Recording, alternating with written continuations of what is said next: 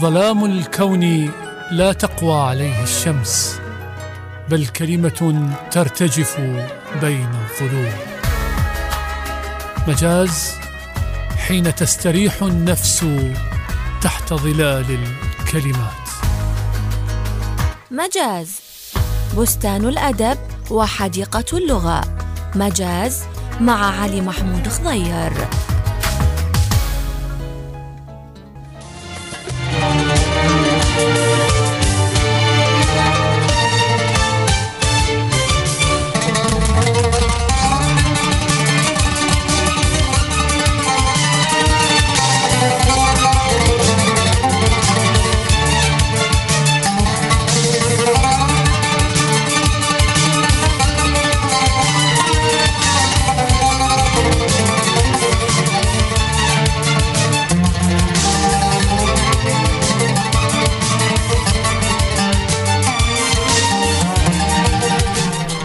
حياكم الله أصدقائي المستمعين في كل مكان لقاء جديد من لقاءات مجاز راديو تايمز سكوير.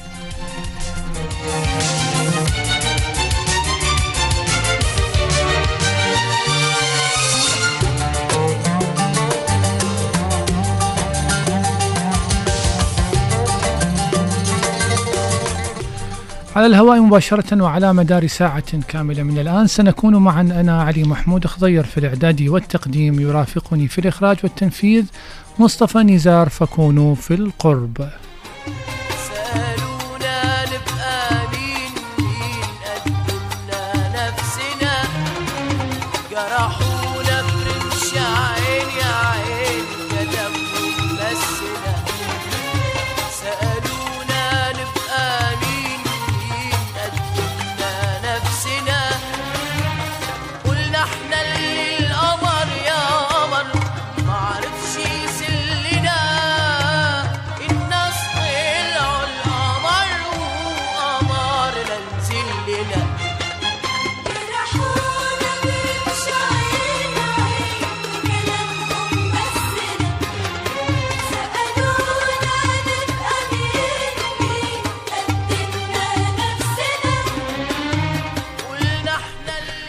يا مرحبا وحياكم الله أصدقائي في كل مكان أصدقاء راديو تايمز سكوير برنامج مجاز بشكل خاص. نحييكم ونرحب بكم أطيب تحية لكل السيدات والسادة اللي يسمعونا في كل مكان من الراديو من مواقع التواصل الاجتماعي تطبيقات الهاتف المحمول منصات اليوتيوب. إن شاء الله يا رب تكونون بصحة وعافية جميعا.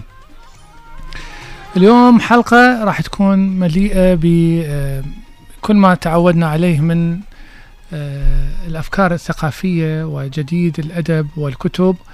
مجاز تعرفون يعني المنطقة اللي يشتغل عليها منطقة الأدب والثقافة والفنون. آه، نعدكم بحلقة حلوة. خليكم ويانا.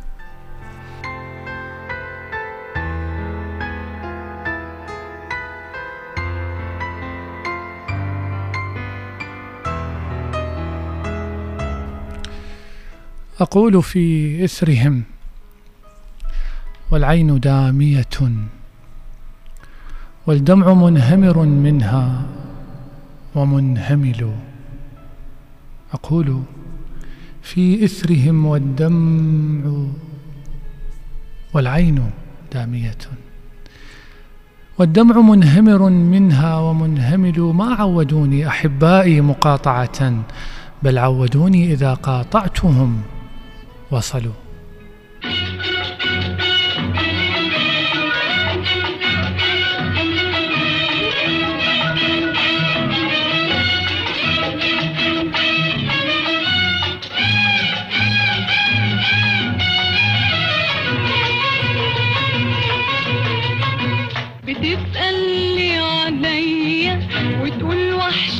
عينيا بتسألي عليا وتقول وحشاك عينيا من إمتى أنت حبيبي؟ وداري والله لا يجيب قطع. إن شاء الله تكون كل العلاقات موصولة. لأن طبعا هذا الأبيات لصفي الدين الحلي. وصفي الدين الحلي واحد من شعرائنا العراقيين المهمين جدا والمظلومين حقيقة. ليش؟ لأن تم اختصاره بس بقصيدته هذه مال بيض صنائعنا حمر وقائعنا سود.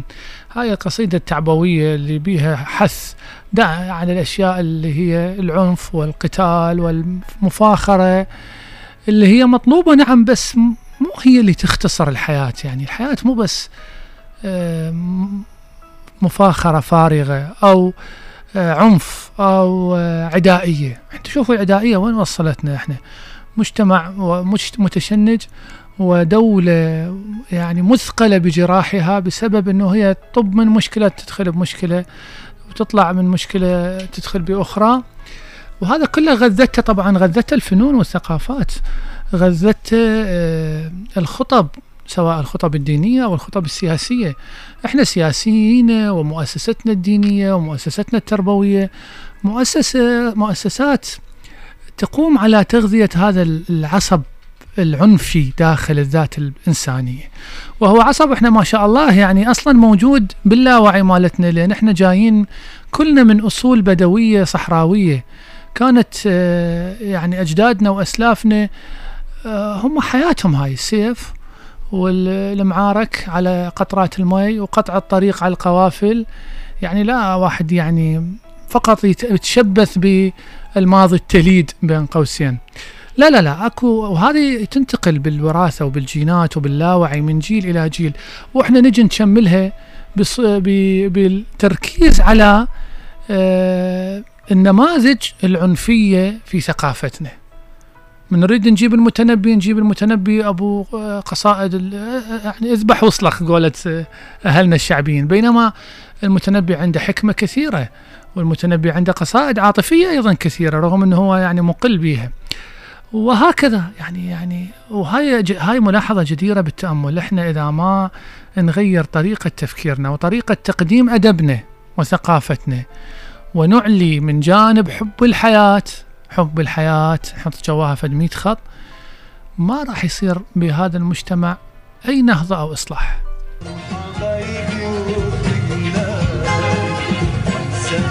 بعيش عشاني وأروح ادور على ماضي كان ليا فيهم حب زمان اشرب لي وحدي فاضي دايما بفكر فيه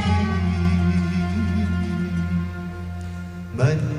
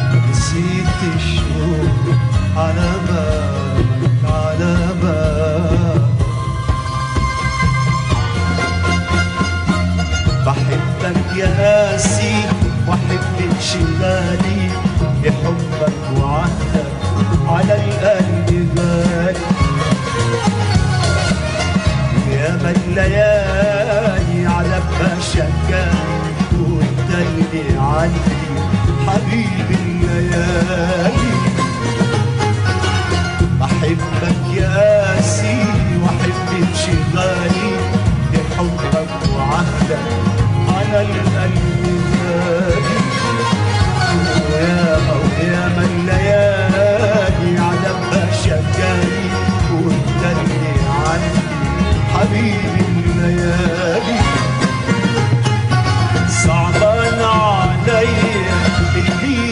نسيت صعبان عليا اللي نسيته. لما نسيت اللي نسيته ويا اللي هاجرني. صعبان عليا اللي نسيت. ولهذا طبعا بالمناسبة صفي الدين الحلي معلومة عن حياته. هو اللي سوى الشعر الشعبي يعني هو أول من قال الشعر الشعبي بالعراق. وهذه آم، شخصيته كلش عجيبة وممكن حتى يطلع من يمها تفاصيل درامية م- تطلع منها عمل تلفزيوني. أحسن من هذه المسلسلات اللي جاي آه، تقدم فد واقع غريب عجيب عبالك م- منتزعة صفحات منتزعة من الكتاب بشكل عشوائي. أه بس سؤال هو أنا إذا سويت مسلسل على صفي الدين الحلي الناس تشوفه؟ الناس ممكن تشوفه بس ممكن أنت تقدم أكون بال- بروح عصرية. ليش؟ لأن المصريين اشتغلوا مسلسلات تاريخية. يعني آه، هسه أنتم أبسط شيء هذا هذا الموسم. جزيرة غمام المسلسلة تحكي عن آه، مصر قبل 300 سنة تقريبا أو 200 سنة. هذه خبرها قديمة. بس تقدم بطريقة معالجة درامية عصرية إحنا لازلنا ندور نح يعني تحت نفس الأفلاك أو الدوائر المغلقة آه، الشخصية الجنوبية الفطرية ال- الشرطة والح- والحرامي. السياسي الفاسد اللي عنده علاقات وما أعرف إيش بس مجرد الشخوص يخت... يعني يتغيرون. ولا حتى مرات الحوارات نفسها وانت تقعد في في أي مسلسل ل...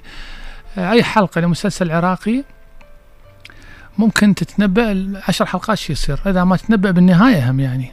وهاي مصيبة يعني. أنت شلون تقدر تعرف جودة أي عمل فني؟ هو بالمفاجأة وبالسؤال. فصفي الدين الحلي ممكن طلعه وخليه يحكي عامي.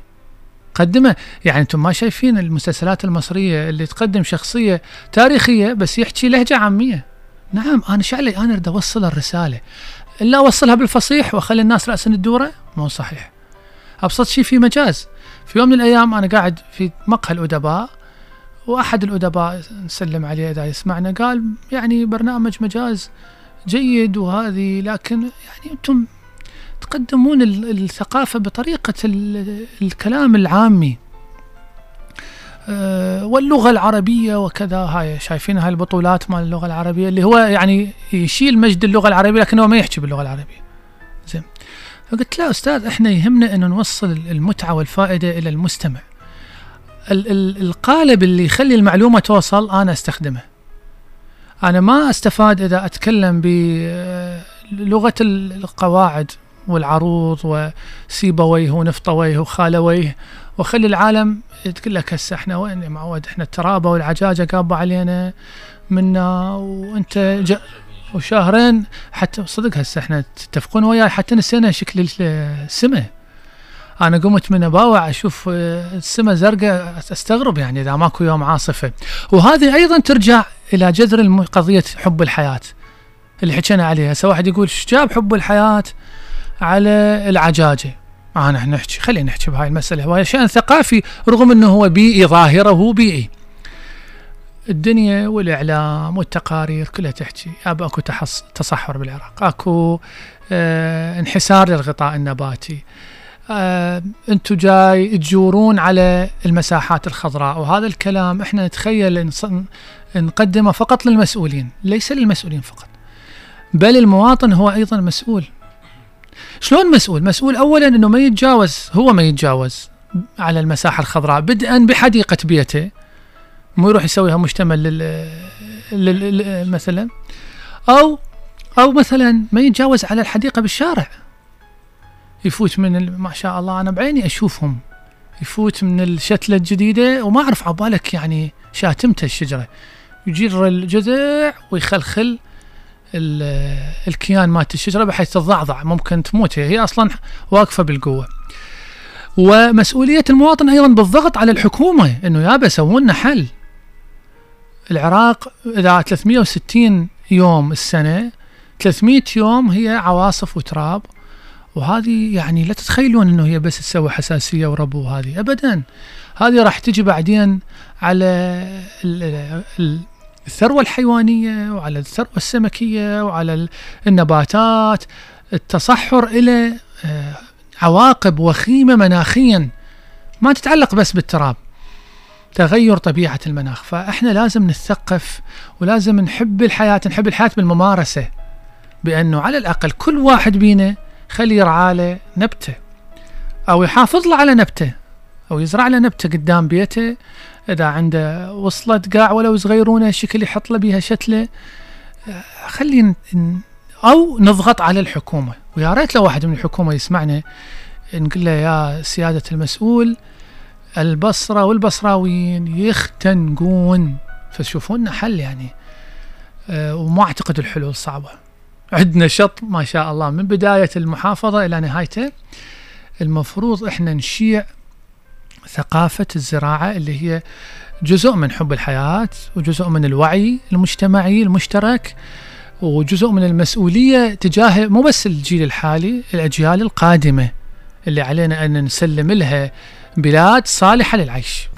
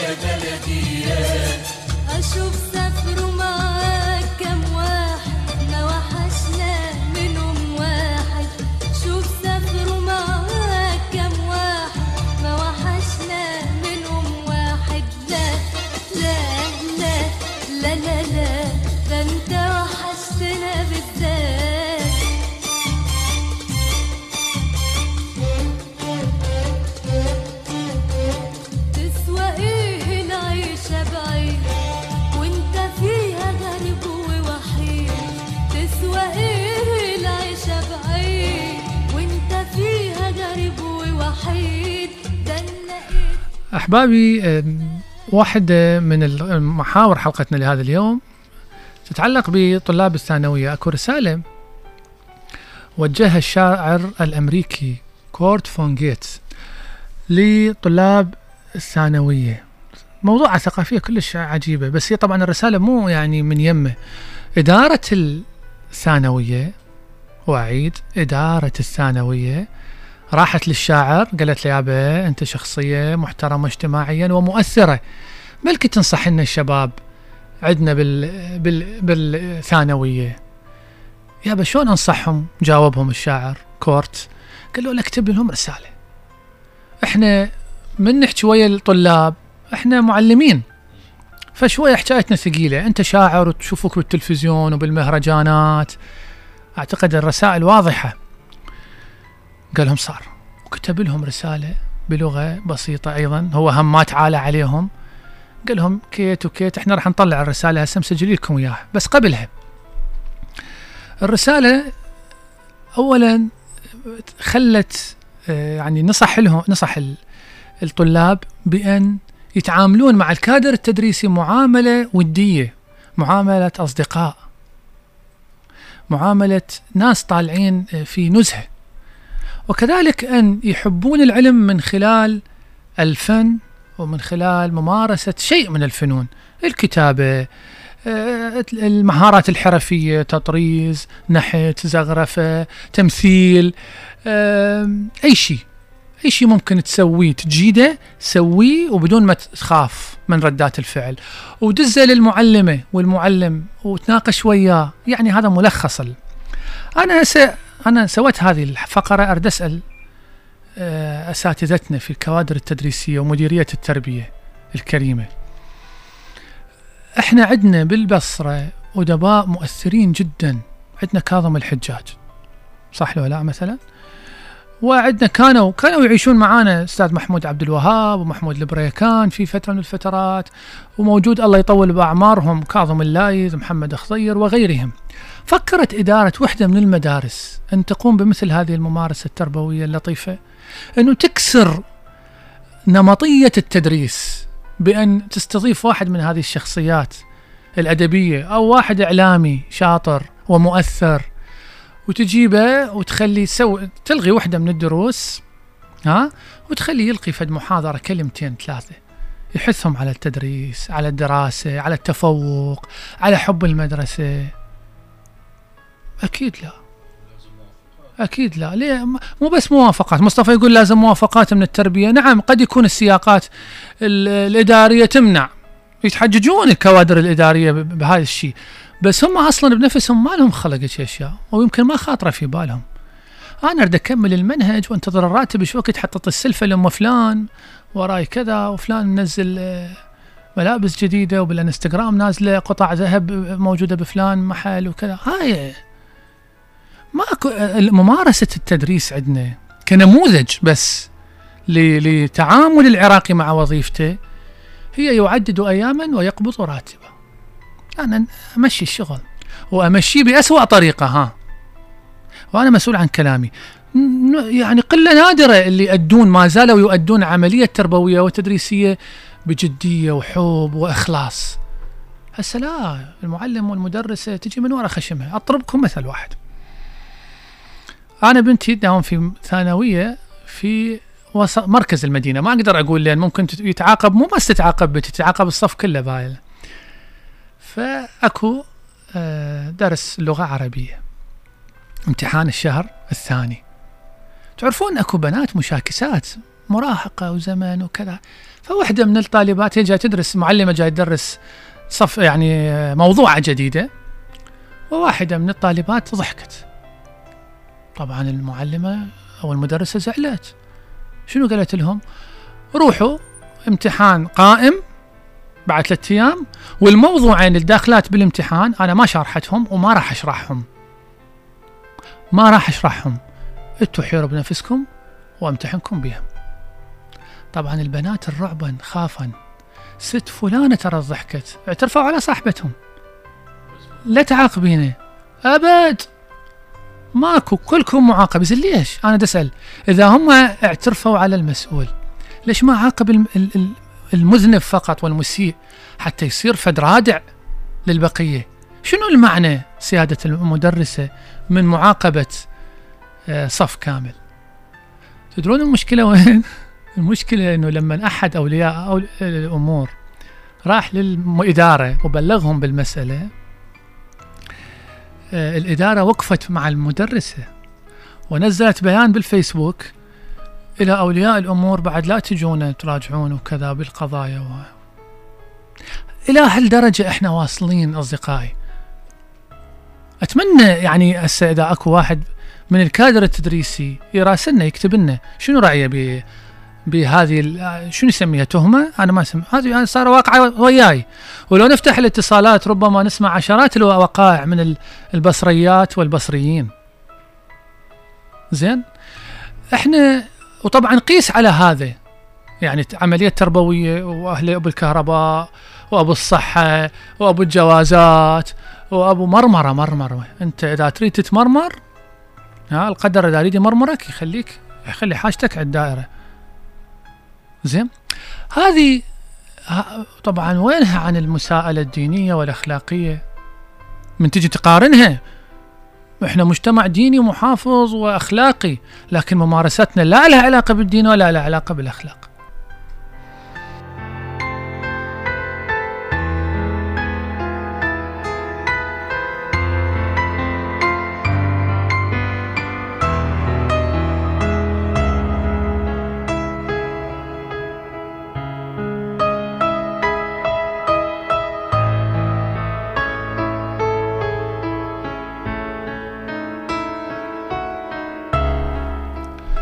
فهذا ال- ال- الرسالة راح نسمعها الآن وخلينا نتأمل الفروقات بين تعامل الغرب بين قوسين الغرب اللي إحنا نتهمه أنه غرب منحل وكافر و و و و تعامله مع عملية تربوية كمؤسسة وكأفراد وبين تعاملاتنا إحنا. نسمع هذه الرسالة إلى طلاب الثانوية من كورت فونجيت ونرجع.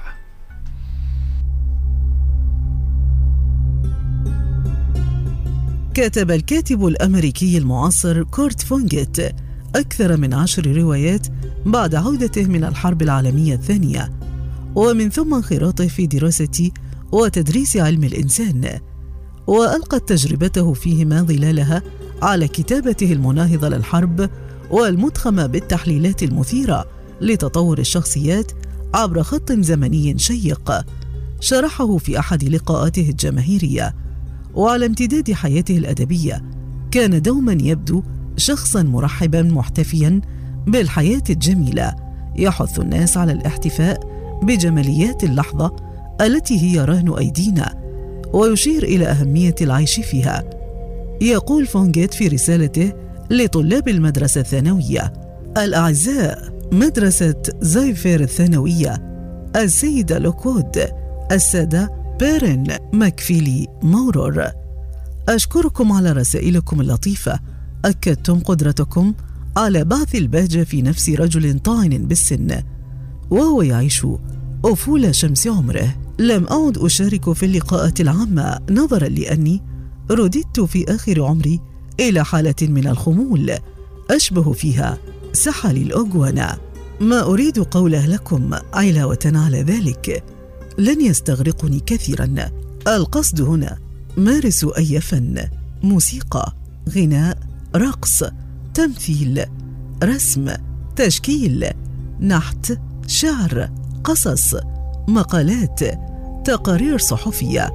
مهما كانت النتيجة جيدة أو سيئة مارسوا ذلك لا للحصول على المال أو الشهرة بل كي تشعروا بوجودكم للعثور على ما بداخلكم ولتنميه أرواحكم. بكل جديه يجب عليكم البدء بذلك فورا. اشتغلوا بالفن وقوموا به حتى آخر حياتكم. ارسموا لوحات مضحكة أو لطيفة للسيدة لوكوود وسلموها إياها. ارقصوا في الطريق إلى بيوتكم. غنوا أثناء الاستحمام دوما. ارسموا وجوها بالبطاطا المهروسة التي تأكلونها. تصرفوا كما لو كنتم الكونت دراكولا. الآن هاكم مهمه لتقوموا بها الليلة وأرجو أن تطردكم السيده لوكود من الكلية إذا لم تنفذوا المهمة. اكتبوا قصيدة من ستة أسطر عن أي شيء بشرط أن تكون مقفاة. إن قصيدة بدون وزن تشبه لعب التنس بدون شبكة. قوموا بها كأحسن ما يمكنكم القيام لكن لا تخبروا أي أحد عن ذلك. ولا تروها ولا تتلوها على أي أحد حتى لمحبوباتكم أو آبائكم أو أيا كان. ولا للسيدة لوكود. حسنا. بعد ذلك مزقوها نتفا صغيرة وارموها في سلال مهملات متباعدة. سترون أنكم حينها قد حزتم على العطايا المجيدة للقصيد. لقد جربتم أن تكونوا تعلمتم الكثير عما في دواخلكم وجعلتم أرواحكم تنمو. بارككم الرب جميعا. كورت فونجيت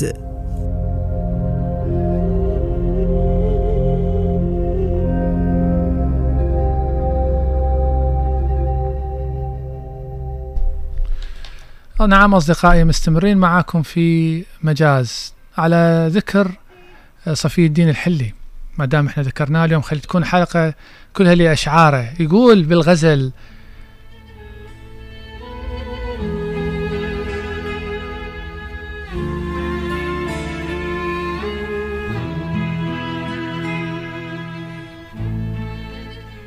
يغار عليك قلبي من عياني فأجفي ما أكابد من هواك.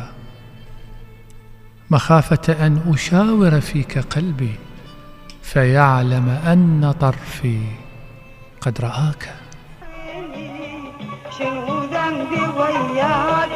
ما تحاكيني شنو ذنبي وياك؟ ما تحاكيني تقول ثوري من بلبل الشيدان تقول ثوري من بلبل الشيدان می‌زنم چاچی یارم شده پیدا می‌زنم چاچی یارم شده پیدا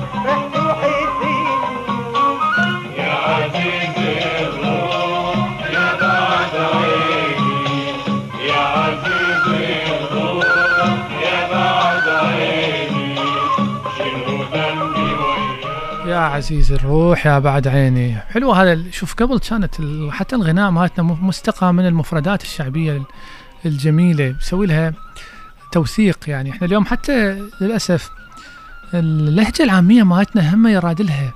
أنا لحد الآن ما أتذكر أنه عندنا مثلا معجم أو قاموس يجمع لنا المفردات الشعبية.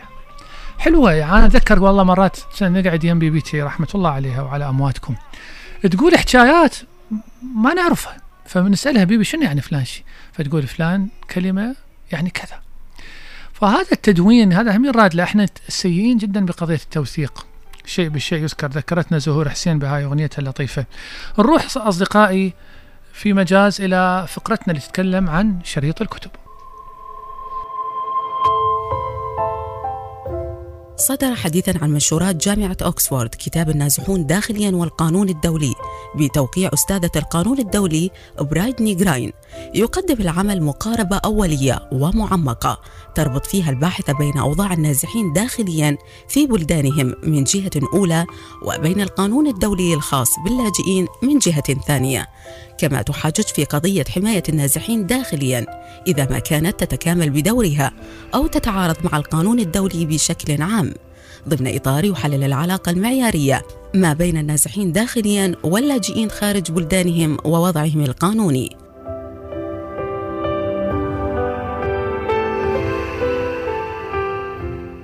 الليبرالية وسخطها.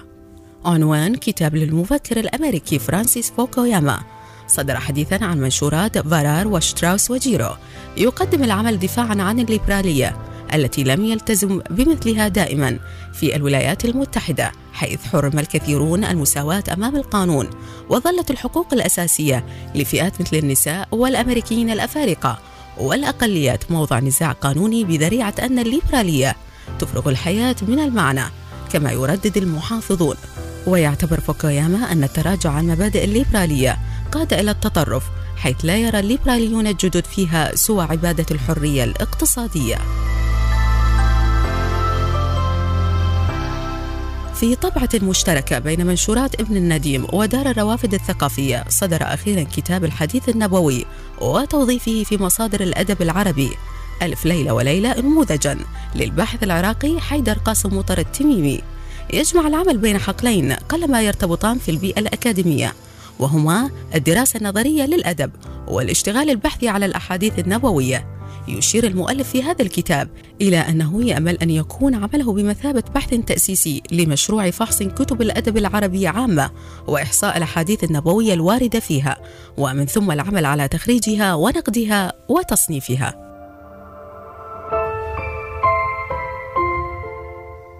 عن المركز العربي للأبحاث ودراسات السياسات.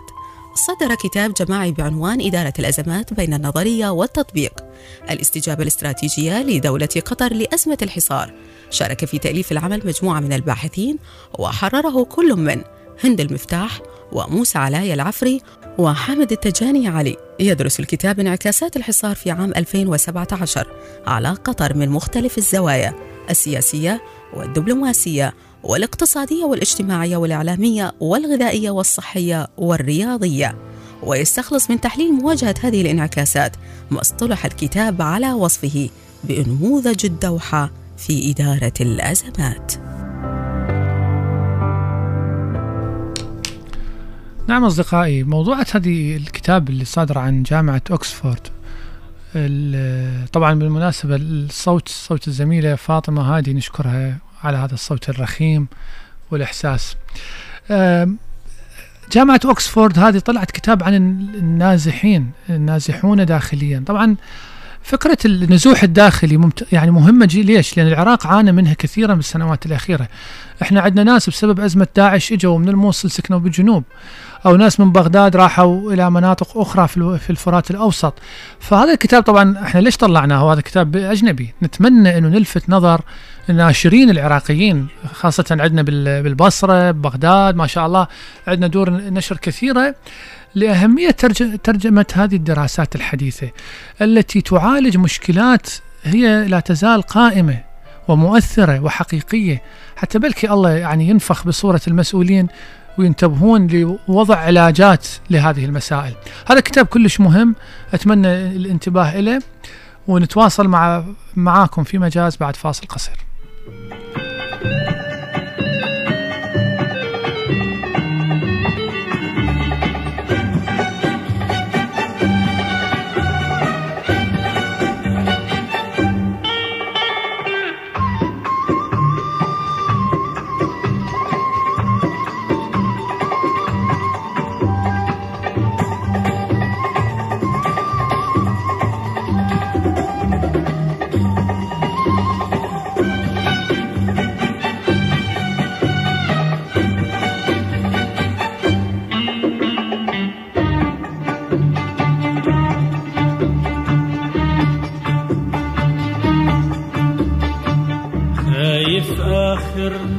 كلمة وياك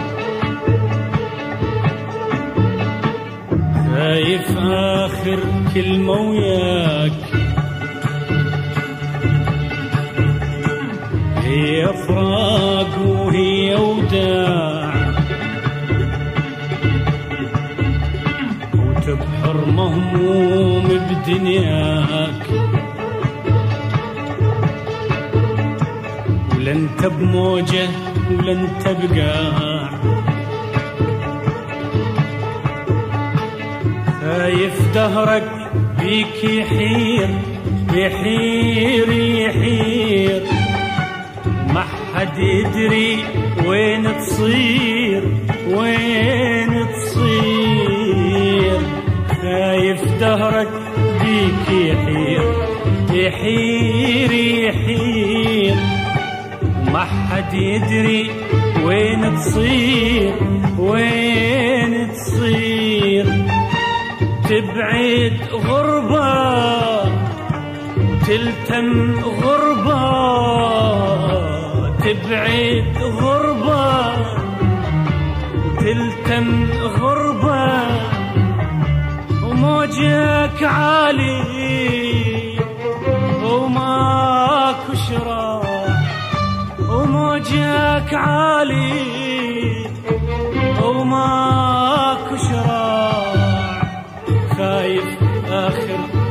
وياك هي فراق وهي وداع. مستمرين معاكم في مجاز هذه ال- القصيدة الشعبية لزهير الدجيلي آه، أعتقد ولا الحان لجعفر الخفاف.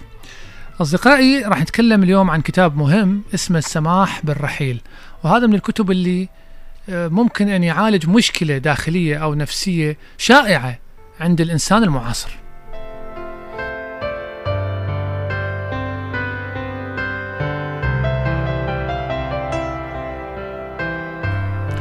أصدقائي يطرح مؤلف هذا الكتاب نظرية يقول أنه مشكلة الإنسان الحديث في زمننا المعاصر مو ال- ال- المحددات أو المؤثرات المحيطة به. مو الاقتصاد أو الأمراض أو الحروب أو الفشل الاجتماعي أو الدراسة لا مشكلته في تعامله مع هاي الأشياء. مشكلته في شعوره طريقة شعوره بهاي الأشياء. يعني شو يقول؟ يقول إنه أنت عندك مشكلة معينة لنفرض مثلا أنت تخاف من آه، ركوب الطائرات أو آه، عندك فوبيا من البحر. يقول هو يطرح نظرية وهي نظرية غريبة ترى بالمناسبة. يعني أنا آه، يعني أريد أناقشها وياكم. خلينا نشوف يعني معقولة؟ ممكن. يقول أنت طريقتك آه، أنت تركيزك على هذا الخوف تركيزك على هذا الخوف والتفكير المستمر به والمعاناة من يمه هي اللي تخليه يتفاقم عليك. زين شو أسوي؟ يقول استسلم له. لا تستحي من يمه. نعم أنا عندي فوبيا من الطائرات. هو شو يقول؟ يقول هذا ال ال ال ال الفوبيا أو هاي المشاعر راح تستغرق بالإنسان وتمر بي وتشبع وتغادره. عجيب. يعني هذا الهاجس يقول أنت ما دام أنت حاط روحك بروحه وتفكر بي وشلون وأنا لازم أتفوق وخاف صا- صاحبي يعرف بي وزحمة وكذا ما أعرف إيش آه هذا راح يبقى يتفاقم عليك هذا الشعور. طبعا هذا اي أي مشكلة يعني أنت مشكلة مثلا وحدة تحس روحها إنه هي مو حلوة. شخص يحس روحه إنه زوجته أذكى من يمه. واحد مثلا عنده مشكلة يت- يت- يتأتئ بالحد- بالحديث. كل واحد عنده مشكلة بحياته. فيقول لك أنت لا تظل آه، تعاني وتكابد. اسمح لهذا ال ال ال الهاجس بالرحيل. تسمح له شلون بالرحيل؟ بأنه تخليه يستغرق بيك. خليه ياخذ مداة لأن راح ينتهي. ويضرب أمثلة. يقول لك أكو ناس كثيرين كانوا يعانون من فوبيا كفاكم الله آه، الأمراض السرطانية. ويقول هم ظلوا إنه شنو؟ يحاول إنه يعاني ويخاف ويكابد ويتأذى ويت- ويخ- ويظل في دوامة الخوف. ويحاول إنه يشغل نفسه. دائما يعني قاعد بالسيارة شغل الراديو. دخل البيت شغل التلفزيون. آه، خلى آه، خابر يدخل على الشات يلعب بلاي. هو يقول هاي كل هاي مظاهر حتى نهرب من آه، مخاوفنا. هو يقول لا علينا انه نواجهها. نواجهها ونخليها تاخذ راحتها مثل ما نقول بالمعنى الشعبي. لأن من من تاخذ راحتها بينا راح تروح. شيء عجيب. خلينا نسمع المقالة. ربما ال- ال- المقالة تخلينا آه، تخلينا نتعرف على فكرة هذا ال- النظرية أكثر. نسمعها بصوت الزميلة شهلة محمد وراجعكم.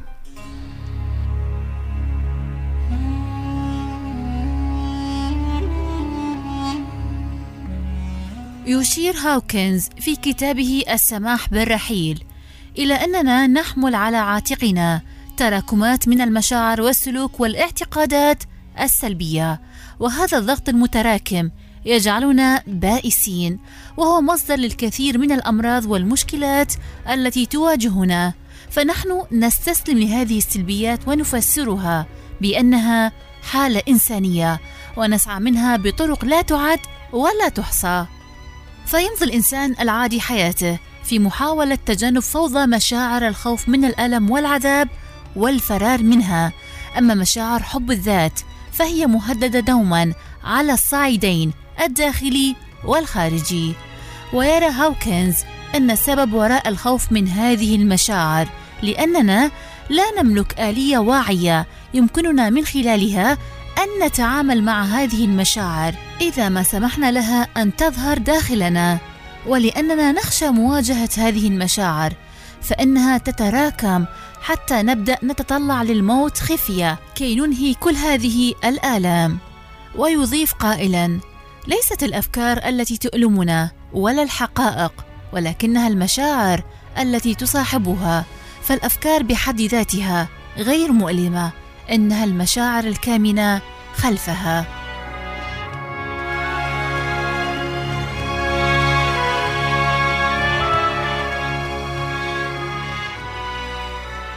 يذكر هاوكنز أن الإنسان عادة ما يلجأ إلى ثلاث طرق ذهنية في التعامل مع المشاعر وهي أولاً القمع والكبت.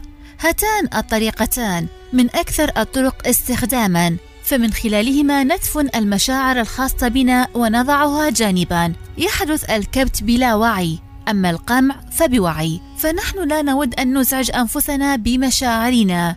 فضلا عن أننا لا نعرف ماذا بإمكاننا أن نفعل غير ذلك. تعد هذه الآليات من أكثر الوسائل التي يستخدمها العقل كي يبقي المشاعر مكبوتة وكي يتم إنكارها وإسقاطها على سبب آخر. ثانياً التعبير.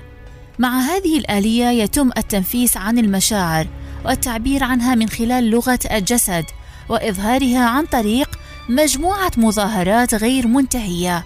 فالتعبير عن المشاعر السلبية يسمح فقط بالتنفيس ليتم قمع ما تبقى منه وهناك نقطة مهمة جدا يجب فهمها ففي حين يؤمن الكثير من الناس بالمجتمع اليوم أن التنفيس عن مشاعرهم يحررهم منها فإن بالواقع عكس ذلك فالتعبير عن شعور ما أولا يزيد ويعطي طاقة أكبر وثانيا فإنه ببساطة يقمع ما تبقى من المشاعر ويخرجها من نطاق الوعي.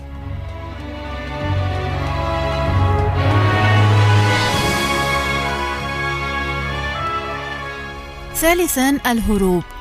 هو تجنب المشاعر من خلال الإلهاء. فهو أساس صناعة التسلية وهو طريقة مدمني العمل.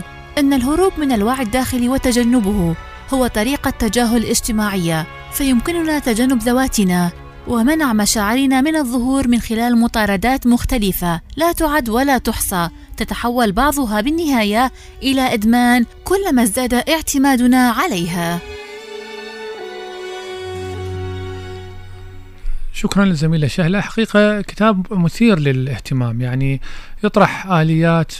كلنا إحنا نعاني من الأفكار اللي تأذينا. هو يقول الفكرة ما تأذي طريقة التعامل يعني الإحساس بالفكرة وهي شيء حقيقة جدير بالكتاب طبعا موجود حتى أعتقد موجود على الإنترنت ممكن تحميله والاطلاع عليه آه، لتعميم الفائدة.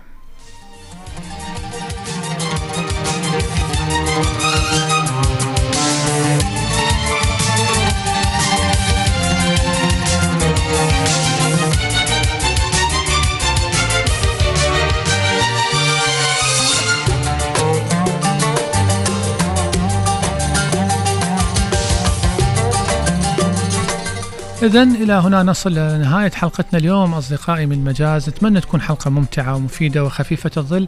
تقبلوا في نهايتها تحياتي. أخوكم علي محمود خضير في الإعداد والتقديم وهذه يطيب تحية من الزميل المخرج والمنفذ مصطفى نزار. حتى نلتقي لقاء قريب قادم كونوا في رعاية الله وحفظه. ظلام الكون لا تقوى عليه الشمس بل كلمة ترتجف بين الظلوم. مجاز حين تستريح النفس تحت ظلال الكلمات. مجاز بستان الأدب وحديقة اللغة. مجاز مع علي محمود خضير